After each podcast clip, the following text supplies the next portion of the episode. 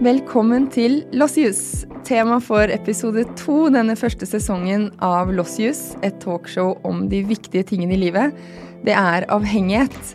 Og episoden avsluttes med en nydelig låt live fra studio. Gjester i dag er Fanny Duckert, Maria Kjos Fonn og Lars Reiersen, bedre kjent som Lars Iveli. Lars fremfører låta si En sjanse til fra albumet hans Bitterhetens hotell, som kom fredag forrige uke. Og hvordan er livet med og uten rus? Fanny Duckert er psykologspesialist og har jobbet mye med tidlig avhengighet, og er forfatter av bl.a. boken Ett glass til. Og når er ett glass til et glass for mye? Maria Kjos Fonn er spaltist og forfatter som skriver om ulike innganger til rus i bøkene hennes Kinderhore og Heroin Chick. Hvorfor begynner man med rus?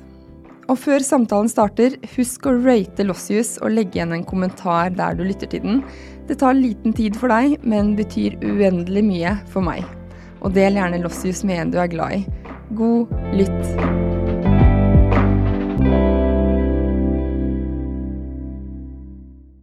Fanny, Lars og Maria, velkommen til studio.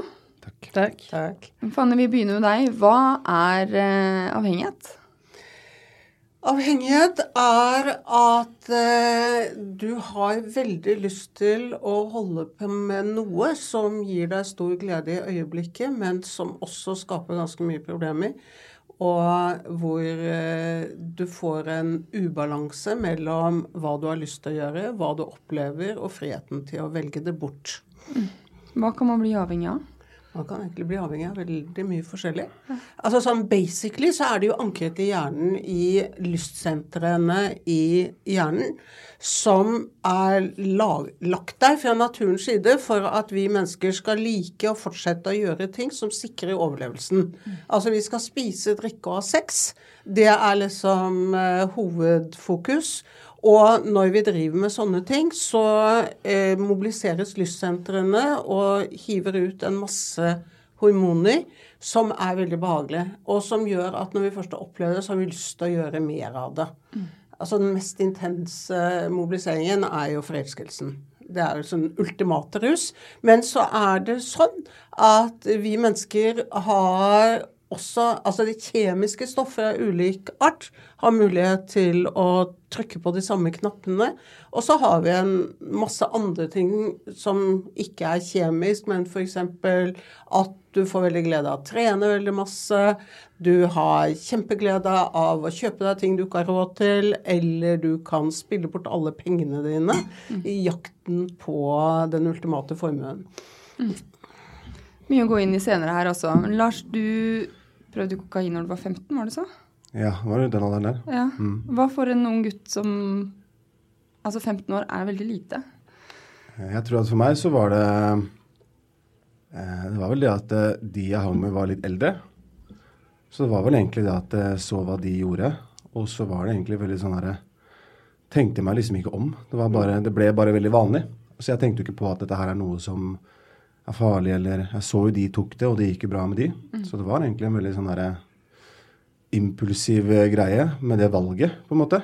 Eh, som at det bare skjedde, nesten. Eh, men det var nok det at jeg søkte en form for aksept da, med de jeg var rundt. Maria, du har jo satt rus på dagsorden med bl.a. gjennom bøkene dine 'Kinderhore' og 'Heroin Chick'. Altså, hva, eh, hva var grunnen til å skrive de bøkene? De er ganske ulike, men tar jo for seg mye av det samme. Eh, ja, det er jo to bøker som handler om rusmisbruk eller avhengighet med ganske forskjellig inngang, på en måte. Uh, og når jeg, når jeg skriver, så, så må det jo på en måte Det må være et slags følelsesmessig smertepunkt som det kommer fra, selv om jeg dikter opp uh, det meste av historien. Så det er også en rushistorie. Jeg prøvde også kokain da jeg var 15, for så vidt. Men, men disse Kinderhore og Heroin Chick er jo forskjellen på de to bøkene er kanskje at det beskriver to ganske forskjellige måter å bruke rusmidler på. hvor Kinderhore er jo en bok om en jente som er dypt traumatisert ved overgrep, og hvor rusen blir på en måte en av mange måter å, å døyve veldig vonde ting. En form for på en måte eh, dissosiasjon eller frakobling eller flukt. Eh, Mens heroin chic handler jo rett og slett mer om lysten. altså hva, Ikke hva det tar vekk, men hva det gir. Og det er jo, det er jo på en måte litt enkelt, da, to forskjellige måter å nærme seg rus. Men så er det jo klart at uh, alle som um, Du kan jo si at også de som elsker å drikke eller hva som helst, er sikkert noe de vil bort fra på en eller annen måte. Og den som bruker rus for å døyve et eller annet veldig vondt, kan jo også like rusen ganske godt. Så det er ikke så, så enkelt heller, på en måte. Mm. I'm Sandra, and I'm just the professional your small business was looking for. But you didn't hire me because you didn't use LinkedIn jobs. LinkedIn has professionals you can't find anywhere else, including those who aren't actively looking for a new job, but might be open to the perfect role, like me. In a given month, over 70% of LinkedIn users don't visit other leading job sites. So if you're not looking on LinkedIn, you'll miss out on great candidates like Sandra. Start hiring professionals like a professional. Post your free job on linkedin.com/people today. Fanny, du skriver i boken Et glass til, så skriver du eh, 'Hvorfor meg?' Ja, hvorfor ikke? Svært få av oss kan føle oss trygge på at vi ikke kan komme til å utvikle et alkoholproblem i visse situasjoner eller perioder av livet. Jeg syns den var litt fin, for man kan jo tenke at, uh, at, det er også dem. De som mm. sliter med en eller annen rus, og de som ikke. Ja, altså uh, rus, Rusvane, rusbruk, rusproblemer, alkoholproblemer er jo det jeg har fokusert mest på i de senere årene. da. Eh, så er jo de resultatet et samspill av mange forskjellige elementer, sånn som Maria sier. ikke sant, At noe det dekker ulike behov. Du får noe bra, eller du flykter fra noe vondt, eller det kan jo være mer type eksistensielle problemer. Kjedsomheten, meningsløsheten. Men det er alltid koblet opp mot deg selv i en situasjon. Altså hvilke mennesker du har rundt deg, hva du opplever. Og det er også fleksibelt, påvirkbart hele veien. Og vi, kan, vi, velger oss på en måte litt inn, og det er mulig også å begynne å velge seg ut av det igjen. Eller når livet endrer seg eller faller på plass på nye måter, så kan rusen endre funksjon og f.eks. bli mindre viktig. Mm. Det er litt sånn som mange opplever at man drikker kanskje mye eh, som student. Eh, og når man faller til ro mer, så er alkoholforbruket kanskje vesentlig mindre. Mm. Mm. Kjenner du deg igjen i det de sier, Lars? Ja, jeg gjør det. Eh, for meg så var det også det at eh, altså, når jeg begynte såpass tidlig, da, så er det vanskelig å liksom putte ord på hva man finner i mm. rusen. Det er jo ikke når jeg var, så begynte å rykke hasj når jeg var 13, liksom begynte å drikke ungdomsskoleåra. Og så, da skjønte jeg jo ikke um, hvorfor jeg syntes det var så digg. Hvorfor Jeg følte en sånn veldig tidlig suksess da, med at åh, det her var noe for meg. Mm -hmm. her var det et eller annet som ga meg noe. Og så ser jeg tilbake på det nå. Jeg tror det har noe med at jeg var ganske redd og usikker, egentlig. Mm. Så er det jo den derre man er jo i en alder liksom, hvor man skal eksperimentere med ting. Og så er det den der, Jeg har ofte fått et spørsmål av familie liksom, hvorfor ruser du deg. Hvorfor? Mm. Mora mi tok meg med til legen skulle begynne på urinprøve. Liksom. Jeg skjønner ikke hvorfor han ruser seg.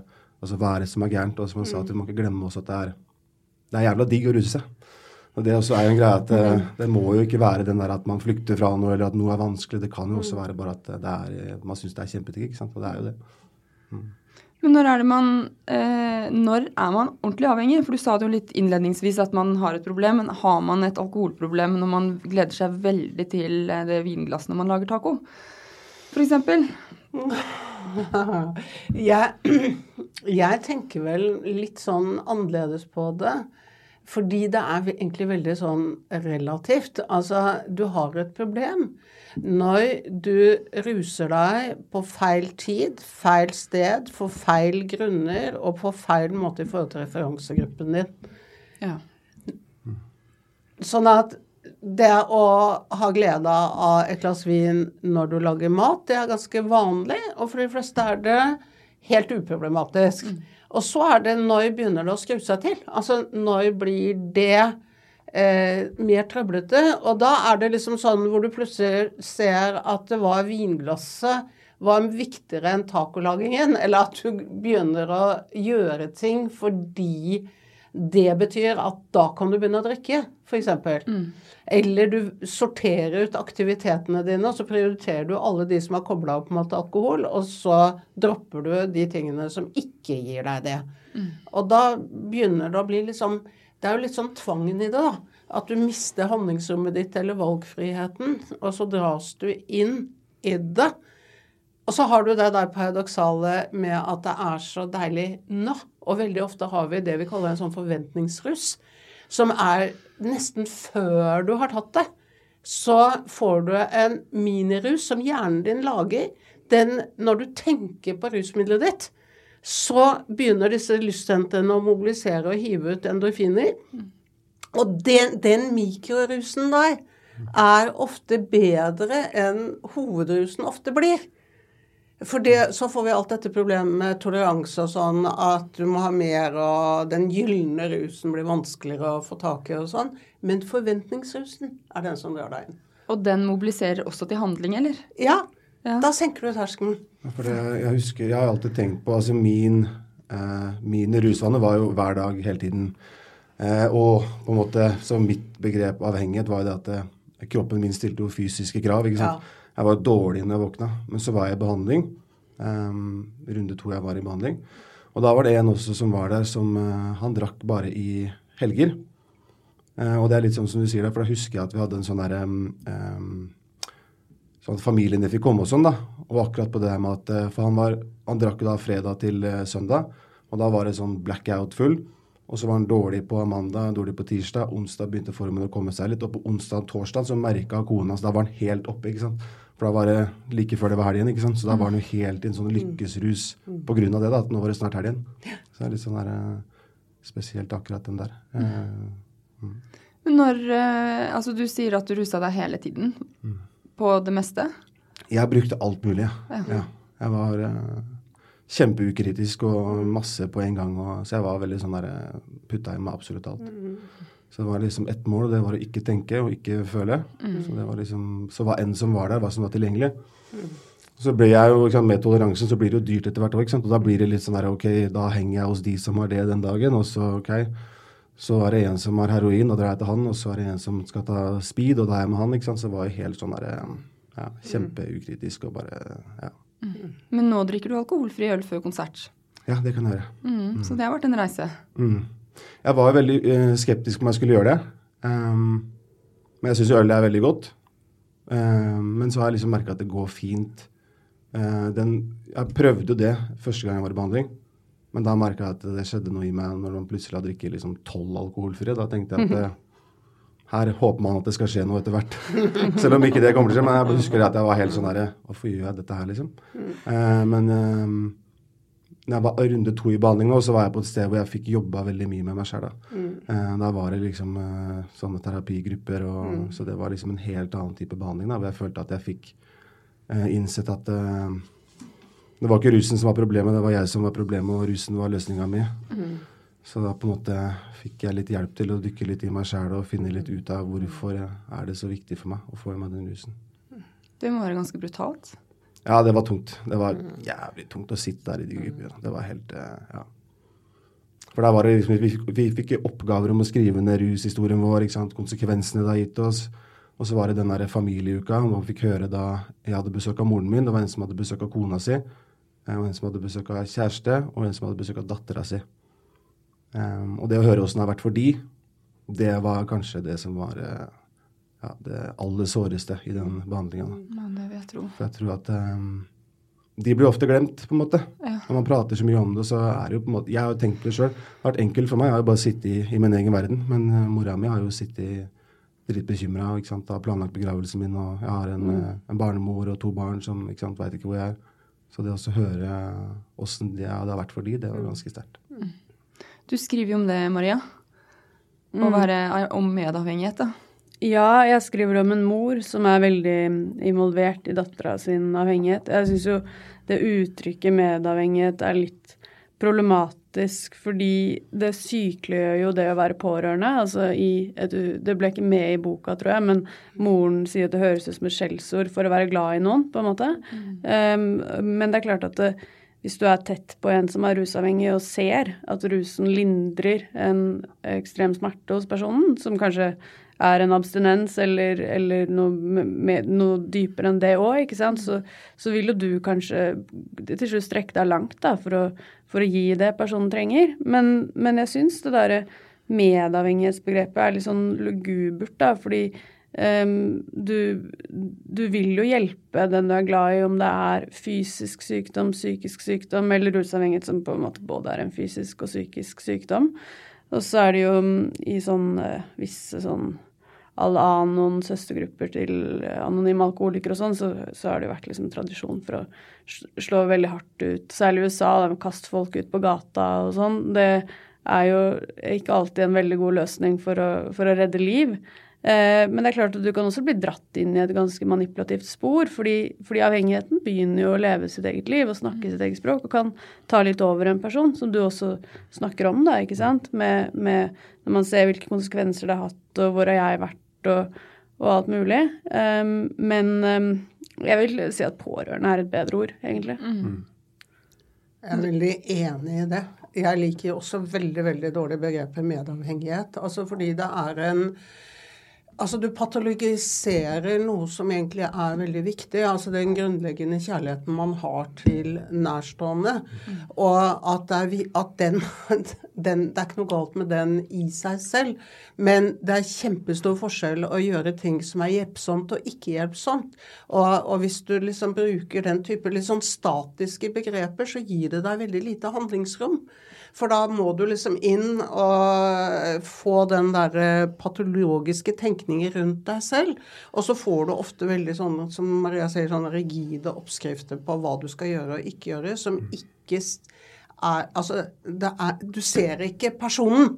Du får bare noen sånne generelle ideer i hodet ditt. Og jeg tror det der at man skal ha fleksibilitet og vite hva er konsekvensen av det jeg gjør nå. Mm. Og skille mellom å ta vare på og forsterke rusbruken, liksom. Mm. For det var det som var litt med min egen mor.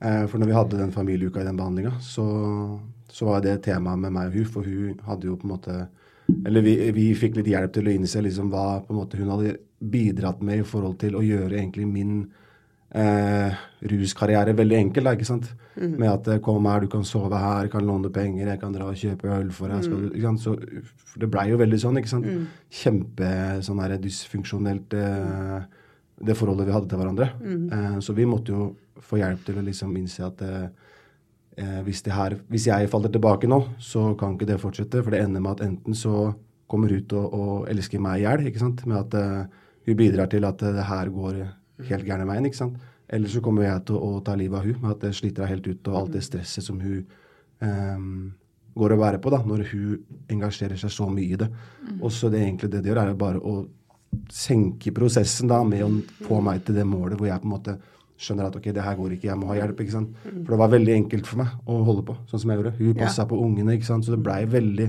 ble veldig enkelt. da, ikke sant?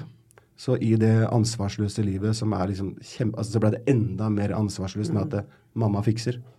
Mm. Mm. Men jeg bare tenker på som mamma selv, ja, at, uh, at jeg trolig hadde strukket meg langt. Mm. Fordi man er mamma, vil jeg tro. Men du, hvordan har det vært nå som du er helt nykter? Eh, hvordan er det å se tilbake på det? For du har jo, altså Blant annet så har du fjerna tatoveringer i ansiktet. Mm for å liksom skape en ny deg? Mm. Det er skamfullt, da. Det er det. Jeg kjenner på det ja, så å si hver dag. Det er, mm. det er jo så mye og så mange år hvor jeg liksom har altså tatt så dårlige valg, ikke sant. Og det er jo ikke, det er ikke noe uansett på en måte eh, hvor, altså Mennesker har en sinnssykt evne til å tilgi og gi folk en ny sjanse, har jeg merka i hvert fall. Jeg trodde at det skulle bli mye vanskeligere å komme liksom tilbake i, til samfunnet. Men, eh, men jeg har, føler at det på en måte står i panna mi hele tida. At jeg har den historien jeg har. Mm. Eh, så den der eh, prosessen med å skulle tilgi seg sjøl og sånne ting, den, uh, den, føler jeg liksom Noen ganger så føles det umulig, på en måte. For jeg, jeg fikk jo jobba med mye av det jeg tenkte var viktigst i behandling. Men det popper jo opp nye ting hele tida. Så kan plutselig en av barna mine komme og si 'Pappa, husker du det? Husker du du sa det?' Hvor var du da, for eksempel, og sånne ting. Og jeg merker jo at det er noe i meg som bare Altså alt inni meg vrir seg rundt, ikke sant? for det er jo så skamfullt å, å prate om. Um, så den uh, Nei, det er, det er, vanskelig akkurat det der. Jeg tenker jo at det, uansett, altså jeg veit jo hva jeg har i ryggsekken, på en måte. Og så er det det at jeg har fått hjelp til å sortere det litt og vite hva som ligger der. ikke sant? Så er det det å kunne ta fram én og én ting da, når det blir tungt å bære på, så prate litt om det, og så må det tilbake igjen. ikke sant? Men da blir det litt lettere, og så dukker det opp en ny ting. Så sånn tror jeg det vil være ganske lenge. Mm. Uh, men det blir jo lettere med, med, tida, når jeg får litt nye referanser da, på hvem jeg er. ikke sant? Mm. Lage litt nye minner. Uh, så det hjelper jo det også, merker jeg. At mm. det å kunne liksom uh, få litt nye opplevelser. da, Og det å hjelpe andre og være der litt for de som alltid har vært der for meg, da, det, det gjør at man eh, i hvert fall at jeg får, at det hjelper på selvbildet. Mm. Mm. Mm. Det er greit når man slutter å ruse seg. Det kan jo være en sånn ekstrem versjon av liksom det alle kan oppleve av en sånn fylleangst. Hva, hva, gjorde jeg i går? liksom, Bare at det er de siste ti årene, på en måte. Og, at du har liksom vært gjennom en sånn veldig lang tid med total likegyldighet, da, og så skal du begynne å huske. Og det kan også være liksom eksistensielt at man faktisk var så gamblet så mye med eget liv òg, ikke sant. Eh, og så tror jeg, som, som du sier, Lars, at um, man kan nok Andre kan nok være ganske sånn det, det er ganske innafor å ha hatt et rusproblem uh, sånn i, i, Norge i dag, blant de fleste unge folk i hvert fall. Men det sitter jo dypt hos en selv. Altså, jeg har en venninne som har vært liksom sånn eh, tung narkoman, for å si sånn, gata og sånn. Og hun, hvis hun ser sånn eh, billettkontrollører, så bare begynner hun å tenke på vektere. Eh, og har fått aggresjonsanfall mot billettkontrollører som har spurt om hun har hatt billett og sånn. Og det er jo sånn som sitter liksom i, i ryggmargen, eller DNA-et, på en måte. da, en sånn og noen gjør det jo til en identitet og har vært rusavhengig. altså og, og, på en måte, Det er jo liksom anonyme narkomane, anonyme alkoholikere si at man er rusavhengig for evig og alltid. Jeg vet jo at det, det er noen som, som, må sette de eh, rammene for seg selv. Men jeg er også på en måte Jeg tenker at det ikke alltid er den beste måten å, å komme seg videre på, da. Fordi eh, faktum er jo at, altså, avhengighet kan skifte form, det kan gå over. Det er jo ikke alltid sånn at du må gå til null heller, ikke sant. Eh, det kan være et livsfaseproblem. Så det, det er veldig forskjellig hvordan man, man, skal Eller hvordan det kan være bra for en person å definere fortida, da. Uh, og det jeg tror ikke det er noe Det er ikke noe på en måte one size fits all, på en måte. Du nikker, Fanny. ja, altså for dette, dere berører jo innmari noen sentrale ting. Men altså tenker, Nå tenker jeg litt som terapeut selv og kliniker og de folkene jeg har jobbet med, så vet jo jeg at uh, sjelden er så skrekkelig hjelpsomt å bli overmannet av for mye skam og skyld og mislykkethet og selvbebeidelse og selvanklager og, og, føle at man er et dårlig menneske på en eller annen måte. At, man, at det er liksom det som teller. Fordi altså, skam og skyld er ikke noe, egentlig noe veldig god veiveser for hvordan du skal leve livet ditt fremover. Og det jeg tenker mye på, det er hvordan skal vi få deg til å føle at du kan mestre. Altså, hva har du av ressurser, potensialer, hvordan kan du bruke det til å få til et liv som er mer i tråd med det du har lyst til å bli, det du har lyst til å være? Og jeg bruker ofte ikke fryktelig mye tid på å grave i gammelt gørr. For da, da, kommer alt det mørke, triste, vonde opp. Mens det vi trenger, er å få deg opp og tenke at jeg kan mestre dette livet mitt. Jeg har noe å gi til andre. Jeg kan bruke ressursene mine. Det er, gir mye mer handlingsrom, egentlig. Så, så, helt fint, ta et oppgjør, men ikke, ikke, bruk for mye krefter på det. Det er vel det jeg ofte sier til folk. Men de som har vært og er hos deg, Fanny, har de, har de noe fellesnevner? Jeg, tenk, vet du hva? jeg tenker at for meg er hvert menneske unikt. Altså jeg tenker Enhver ny sånn terapikontakt er en blanding av en oppdagelsesreise og en skattejakt. Eh, og at jeg er ikke så innmari glad i å si alt det er sånn og det er sånn, og fokusere så mye på fellestrekk, fordi eh, folk er hele mennesker, på godt og vondt, og rusproblemet går inn i den helheten. Og, og skal du gjøre noe, hjelpe folk til en forandring, så må du se det i helhet. Så, så for meg Jeg kjører mye mer på at du er unik som menneske. Og som vi sa litt innledningsvis, er avhengighet er en del av det å være menneske. Vi har veldig mange muligheter til avhengighet. Og noe av det som er felles, det er at du, eh, du satser på det som er nærmest, enklest i øyeblikket, liksom det som kommer tettest på. Og så gambler du med at de negative konsekvensene enten ikke kommer, eller at du fikser det når det kommer. Og sånn lever vi mennesker i veldig, veldig mange sammenheng. Altså Det er sånn enkle ting. Ta heisen istedenfor trappa. Eh, ta bilen istedenfor å gå. Eh, spi du vet alt om hva er sunt og riktig, og så gjør du det ikke i praksis. ikke sant? Fordi at øyeblikket står så sterkt. Så jeg er mer, tenker liksom at det er mer sånne ting jeg er litt opptatt av. da. Men du skriver også i et glass at eh, for mange så trenger man ikke slutte helt. Du har sluttet helt, mens andre trenger ikke det. Men du trengte det. Ja, jeg har jo Jeg vil jo si at jeg har prøvd nå i ti år å finne en eller annen måte jeg kan ruse meg på. ikke sant? Med å, ok, hvis jeg tar eh, Og det var til det punktet hvor det var sånn Hvis jeg tar eh, ett glass vin, tre piller og bare én stripe så Skjønner du? Jeg har, jeg har ett minne fra Jeg tror det var i 2015 eller noe. Da var jeg på en pub, og så drakk jeg tre øl, og så gikk jeg hjem klokka 11. Denne referansen har jeg alltid brukt. Jeg klarte det jo, da. Ja, det har jeg hørt før. Ja. Sånn, Altså, det er helt sinnssykt, liksom. Men også, ja. så var jeg jo Mm. sånn der, ikke sant, så var jeg, altså, jeg har jo forveksla liksom mye med hva jeg på en måte som har vært hovedrusmiddelet mitt. Da, ikke sant? Og så var det sånn ah, men hvis jeg bare tar Mm. bitte litt speed og så noen øl, da gjør jeg ikke noe dumt. Og hvis Mm. jeg tar en pille på kvelden, da, så får jeg jo sove, ikke sant. Så jeg har jo holdt på sånn ikke sant, i ti Mm. år med å finne måter å bytte ting ikke sant, og bare, jeg, altså Det har vært helt, eh, Mm. helt håpløst. Så jeg har jo innsett det at eh, for meg så, så er det, det er ingenting som er best. da. Det å også ikke røre noe. Eh, jeg har prøvd også det. ikke sant, Bare alkohol, bare røyke hasj, alt mulig. Og, så jeg har jo Alkohol også for meg var et stort problem. Jeg drakk jo hver dag. Jeg tror man kan spare mye tid på veldig mange og bare kutte tvert, på en måte. Altså sånn, det er jo rett og slett enklere altså sånn, eh, enn å hele tiden forhandle med seg selv. Så jeg følte med en gang jeg sa at man trenger ikke å slutte helt, så er det litt, en litt sånn skummel ting å si. For jeg vet at for mange så er det en litt skadelig tilnærming, eller en veldig skadelig tilnærming òg, hvis du på en måte vil stadig på en måte pushe grensen og, og forhandle med deg selv, ikke sant. Um, så så det, det er jo komplekst. For, men altså, for andre så kan jo liksom det å, å skulle bli totalavholds være en sperre mot å eh, i det hele tatt prøve å slutte. Altså, det gjør det umulig. Så det er det som er at det, det er veldig vanskelig å gi, gi på en måte generelle retningslinjer for alle, um, rett og slett.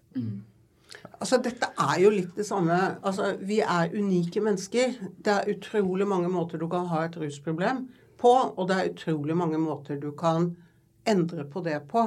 Og det er jo hele spekteret fra å kutte, som i noen situasjoner for noen folk er det eneste riktige og enkleste å leve med, men så finnes det også masse andre varianter på at folk vil eller som vi ofte sier, da, at du vil redusere rusbruken din ned til et nivå hvor det ikke skader helsen din eller forholdet til andre mennesker.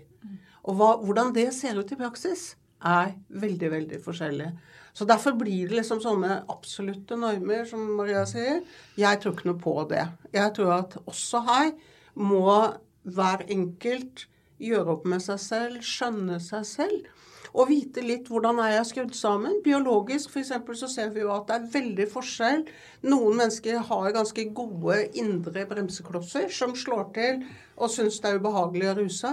Andre har ikke de bremseklossene og, og kjenner ikke stoppmekanismer. Og da er det mye skumlere å tenke at du kan liksom trikse og fikse og ruse deg moderat fordi at du har ikke den indre bremsen. Så, så, her er det igjen også måter vi er forskjellige på, da. Mm. Men altså, du snakket jo litt om det, Maria, at det er ulike innganger til rusen i bøkene dine. Mm. Eh, hvorfor er det så innmari mye moralisme rundt rus når man vet at noen nesten trenger det? Altså det er jo moralisme mot tap av uh, selvkontroll ikke sant, på alle områder. Det være seg overvekt eller rus eller hva som helst, og ting som er skadelig for en selv og andre. Det urettferdige med det er jo at, som Fanny sier, det er jo gjerne så genetisk. Altså sånn uh, hvordan man responderer på et rusmiddel. Og det, um, Um, og jeg har jo aldri lyst til å drikke mer enn maks fire øl, ikke sant. Men for noen så ville det vært en viljestyrkeprøve av dimensjoner, ikke sant. Og det betyr ikke at jeg er noe bedre enn den personen, det er bare forskjellig genetikk. Og, og så har det jo liksom med, med, med, bakgrunn å gjøre, kanskje også, ikke sant. At noen, noen har, det har for så vidt jeg òg, da, men fryktelig vonde opplevelser som på en måte må må døyves. Og så jeg, kan nok føle av og til at det, det, det traumekortet blir mye spilt. Da, altså sånn at, at, alle rusavhengige har så mye traumer. Det, det er en stor sannhet i det, mm. men, men, ikke alle har det. Og du er jo egentlig ikke en dårligere narkoman uh, fordi om du ikke har noe barndomstraume, på en måte. Du, du har jo et like stort problem. Mm. Um, så um, Men i de to bøkene jeg har skrevet, så er det jo Um, igjen, den Kinderhår som et inceststoffer, det er nok da Du feller nok mindre harde dommer over henne. ikke sant? Du skjønner jo at hun trenger den bedøvelsen mer enn den andre. Det er jo nesten litt sånn ekstreme motsetninger. En jente fra beste vestkant som bare vil, vil, vil noe eksistensielt, et sug, ikke sant. Så så, øh, men så tror jeg jeg er ikke helt enig med Fanny at skyld og skam ikke fører noe vei, på en måte. Altså, å begrave seg i det tror jeg ikke på, men, men som du sier også, da, Lars, at det, det hjalp jo deg på en måte å se hvilke konsekvenser det hadde hatt for andre, ikke sant? Det gjorde ja. det. Mm.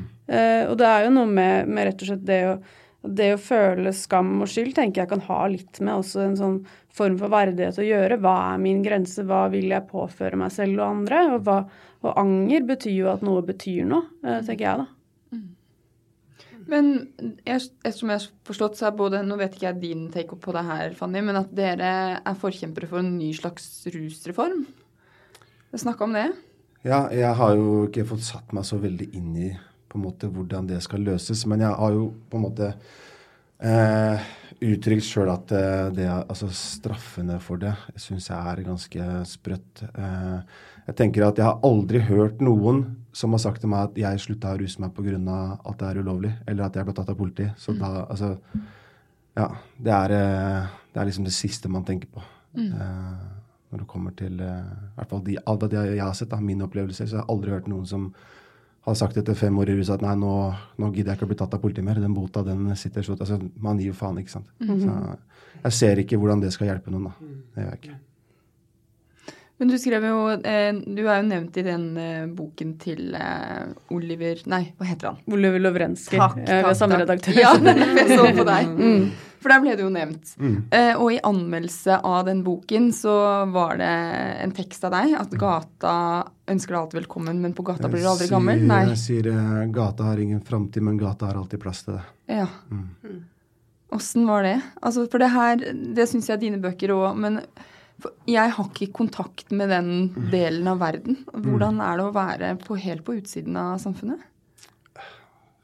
Altså, jeg syns at det var en sånn frihet i det. Eh, og det er vel kanskje én ting på en måte nå som jeg lever det livet jeg gjør nå, med to unger som bor hos meg. Eh, så kjenner jeg på den der at den, det er kanskje det jeg savner mest, den der ansvarsløsheten. Det å ikke ha noe ansvar. ikke sant? Og det er jo Når man har vært såpass lenge utafor samfunnet, så er det det som er vanlig. ikke sant? Jeg syns det har vært kjempevanskelig å komme tilbake. ikke sant? Eh, men så er det som jeg sier, da, i de miljøene så er jo alle er velkomne, liksom. Det er ikke noe krever ikke noe utdannelse, noe, sjekke noe CV. Det er bare, Der er alle velkomne, liksom. Mm.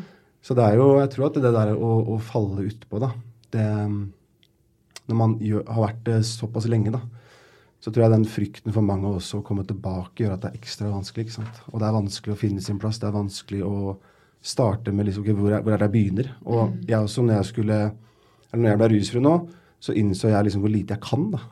Om voksenlivet. Jeg vet jo ingenting. Jeg fikk vite hva pensjonspoeng var. eh, Jeg vet ikke, jeg. Ja, altså, og liksom, jeg, altså Når det kommer til økonomi når det kom, altså jeg, jeg vet jo ingenting. ikke sant? Første gang jeg var i behandling, så måtte jeg liksom gå bort til en som bare du, kan du hjelpe meg å sette på vaskemaskinen? Jeg veit ikke åssen jeg gjør det. Liksom. Og det er kjempeflaut å spørre, ikke sant. Det er jo, Man kjenner jo på den skammen når man må spørre om de tinga som er så basic for alle andre. da. Så det tror jeg gjør at, eh, at mange prøver å slutte å ruse seg, så faller de tilbake. Jeg vet ikke hva statistikken er på det, men jeg mener vel at den er ganske imot en som er i behandling første gang. da. At man skal klare seg eh, etter en runde. Har du fått tilbakemelding på bøkene dine? Eh, ja.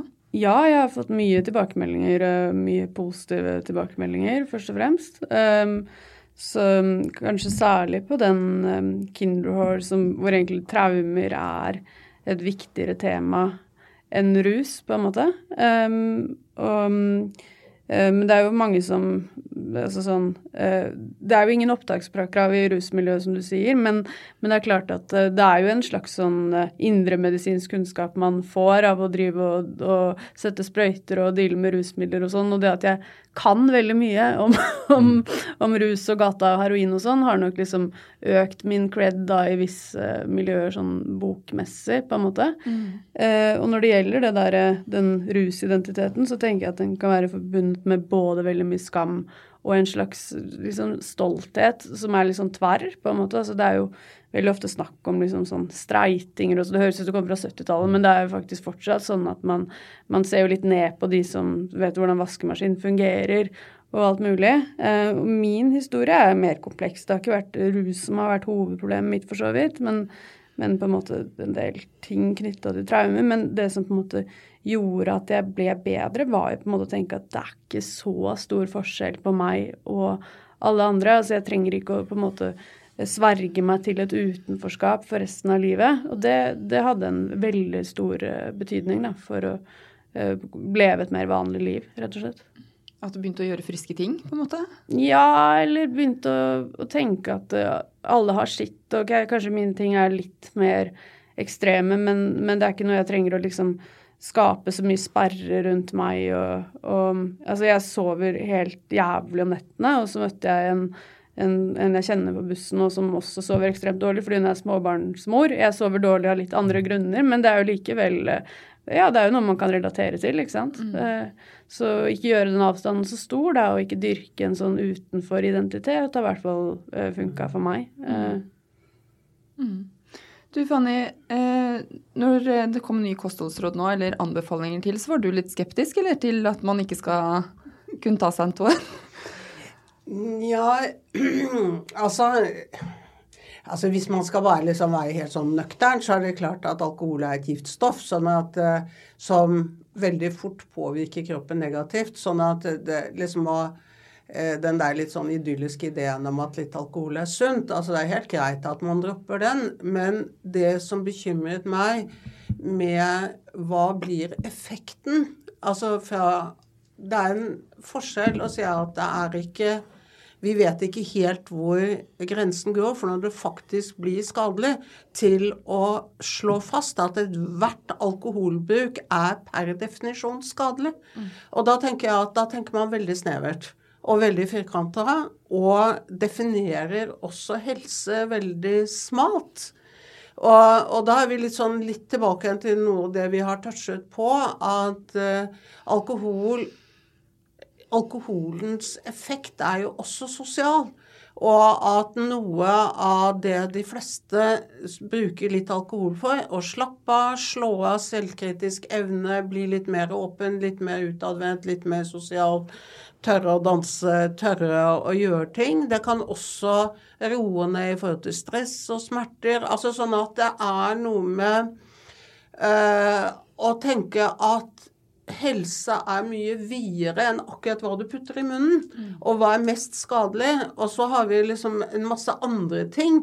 Skal vi slutte f.eks. å spise mat med masse jævlige tilsetningsstoffer eller grønnsaker og bær som er fulle av plantevernsmidler, som antagelig skader oss vel så mye det lange løp? Men det er det jo ingen som foreslår.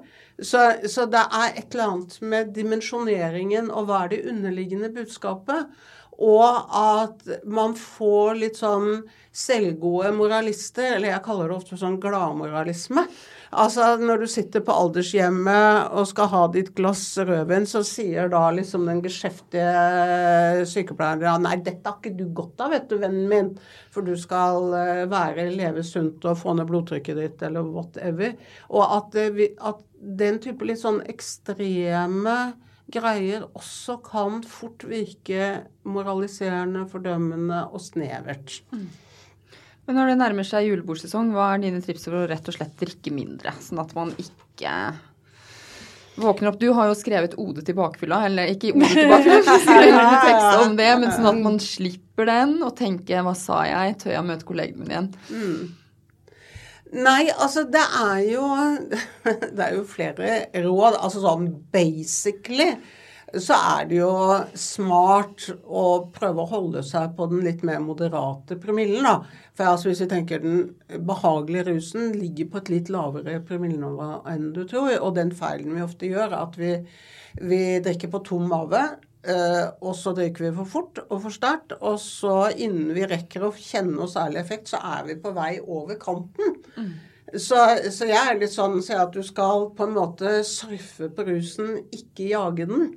Og da er det større sjanse for at du bevarer selvkontroll og vet hva du gjør. Og, og så er det jo en viktig ting å huske på at alkoholen kan ikke skape noe som ikke er der fra før.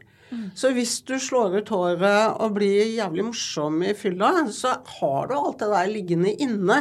Du har bare lært deg eller forventningen av at jeg må være rusa for å slippe det løs. Ja. Så jeg tenker at du kunne øve deg på å gjøre, gjøre, være noe mer av det også når du er edru. At du kan synge intenst og fortsatt være en veldig intens, dyktig utøver av deg selv. Uten at du går veien om selv. Even when we're on a budget, we still deserve nice things. Quince is a place to scoop up stunning high-end goods for 50 to 80% less than similar brands. They have buttery soft cashmere sweaters starting at $50 luxurious Italian leather bags, and so much more. Plus, Quince only works with factories that use safe, ethical, and responsible manufacturing. Get the high-end goods you'll love without the high price tag with Quince. Go to quince.com/style for free shipping and 365-day returns. Ja, da tenkte jeg på deg, Lars, for du skrev musikk før, eh, og nå skriver du musikk mm. som nykter. Åssen er forskjellen? Eh, jeg skal være ærlig og si at det er vanskeligere uten. Ja. Eh, jeg syns det var en kjempeovergang å skulle mm. drive med alt mulig kreative ting uten rus. Mm. Det føles litt som eh, Skal jeg si Det å skulle være i studio, f.eks., blir nesten for meg litt sånn der sport og, og steroider, liksom. At det er en sånn mm. Nesten litt sånn Det blir mye enklere. Du kommer mye fort, du slipper deg fortere løs. Mm. Det er lettere å få ned de der sperrene, da, ikke sant. Mm. Med mm. hva man skal si. og liksom forventningene som er i rommet og sånne ting. Så den kjenner jeg på. Og jeg har blitt nå veldig sånn tvunget da, til å liksom presse meg sjøl ut i det ubehagelige. Og det har jeg merka at det går jo. Det å f.eks. Eh, å sitte her da, ikke sant, for, uh, for uh, et år siden, to år siden hadde vært kjempeskummelt. ikke sant. Så komme til det punktet når jeg merker at jeg har blitt mer trygg i meg sjøl, mer komfortabel i meg sjøl. For når jeg kom hjem fra behandling, så følte jeg meg kjemperar i sosiale settinger. Det var nesten sånn der, Hvor skal jeg legge hendene mine? klarte ikke å se folk i øya. og så fungerte veldig veldig dårlig da, eh, i sosiale settinger. Mm. Så det, det, å kjenne at det Og det er nok litt lurt som du sier, at folk som også da drikker, burde utfordret seg litt på det. ikke sant, mm. at eh, hva er, det, hva er det den alkoholen er en krykke for? ikke sant? Kan mm. jeg bli flinkere på å komme dit uten?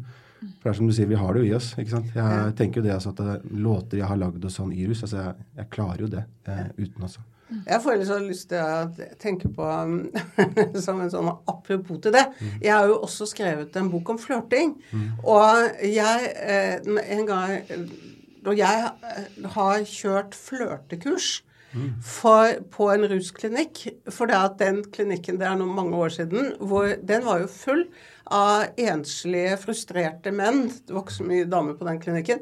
Eh, og som drømte om kjærligheten. Og så hadde de vært vant til å utfolde seg i rus. Mm. Og så gikk de der på den klinikken, var edru, stressa, ensomme, mm. og hadde ikke peiling på hva skal jeg gjøre da, for å skaffe meg den kjærligheten, eller finne hun søte dama som kan hjelpe meg å fikse livet mitt.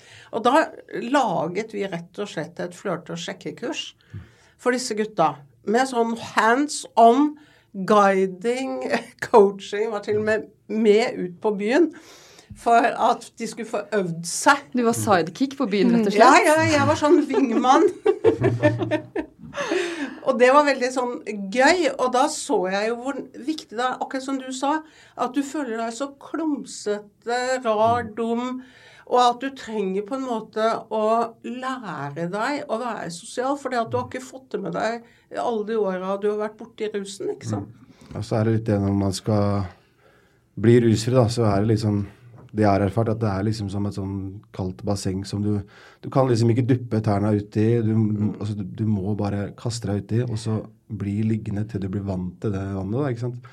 Og det er jo for meg også jeg, Det er først nå jeg kjenner at jeg har kommet tilbake til meg sjøl. At jeg kjenner at åh, nå veit jeg liksom hvem jeg er. Nå veit jeg hvordan jeg fungerer. Nå er jeg trygg i meg sjøl. Og det har tatt veldig lang tid. Så jeg tror at de som også skal prøve å bli rusfri, må bare gi det tid. Da? Det er ikke gjort på en måned, ett år. Det tar tid. ikke sant? Så, så i starten så er alt kjempeuvant, kjempevanskelig. Så det å gi seg sjøl tid, da, at uh, man må liksom bli liggende rett for å bli vant til dette. da. da. Den låta du uh, spiller for oss, 'Sjanse til', er den skrevet i rus eller ikke rus? Den er skrevet i rus, ja. Den er det. Hvordan er det å, å synge sanger skrevet i rus når du ikke er det? Jeg har et litt anstrengt forhold til noen av låtene. Eh, litt pga. holdninger og verdier jeg hadde på den tida. Men så er det noe av det som også er veldig fint, på en måte. For når jeg på en måte toucher inn på litt såre temaer, så blir det veldig, veldig ekte når man står midt oppi det. Det er liksom ikke sånn at man må finne tilbake den følelsen. Man er så sterkt i det. Og det gjør at eh, det kommer veldig mye følelser inn i uttrykket når man spiller inn. At uh, man får liksom med følelsen da, når man eh, spiller inn. Tusen takk for at dere kom til studio. Tusen takk. Takk. Før Lars Iveli spiller låta si live, vil jeg minne deg på at shownotes inneholder linker til gjester og bøker, og til spillelisten på Spotify som vi har laget til Lossius. Og Lars Iveli sin låt finner du selvfølgelig også der. Jeg blir altså superglad for rating og kommentarer og delinger av Lossius. Sharing is caring. Men nå, gjør deg klar for en nydelig låt av Lars Iveli, fremført live i studio. På gjenhør neste uke. Noen bærer på mer enn de kan klare. Det betyr ikke at de er svake. De sterkeste faller hardest. Jeg har vært det sjøl, jeg nekter å dra tilbake. Ser du prøver, du gjør så godt du kan. Blir ikke verdt å bry seg, nå føler du på skam. Når livet er en kamp, husk at du har kommet langt. De hadde kanskje rett om oss. Det har ikke vært noe lett for oss. Hjelp meg, jeg går meg vill. Alt jeg trenger er en sjanse til. Du sa det er ikke plass til deg. Vi måtte gå vår egen vei. Vi måtte gå vår egen vei. Hjemme med alltid bak en fasade. Jeg var så redd at jeg gjorde det til en vane. Så klar å komme meg igjennom, må ikke glemme det. Men jeg er sliten og lei av å gå igjennom det. Jeg skriker inn i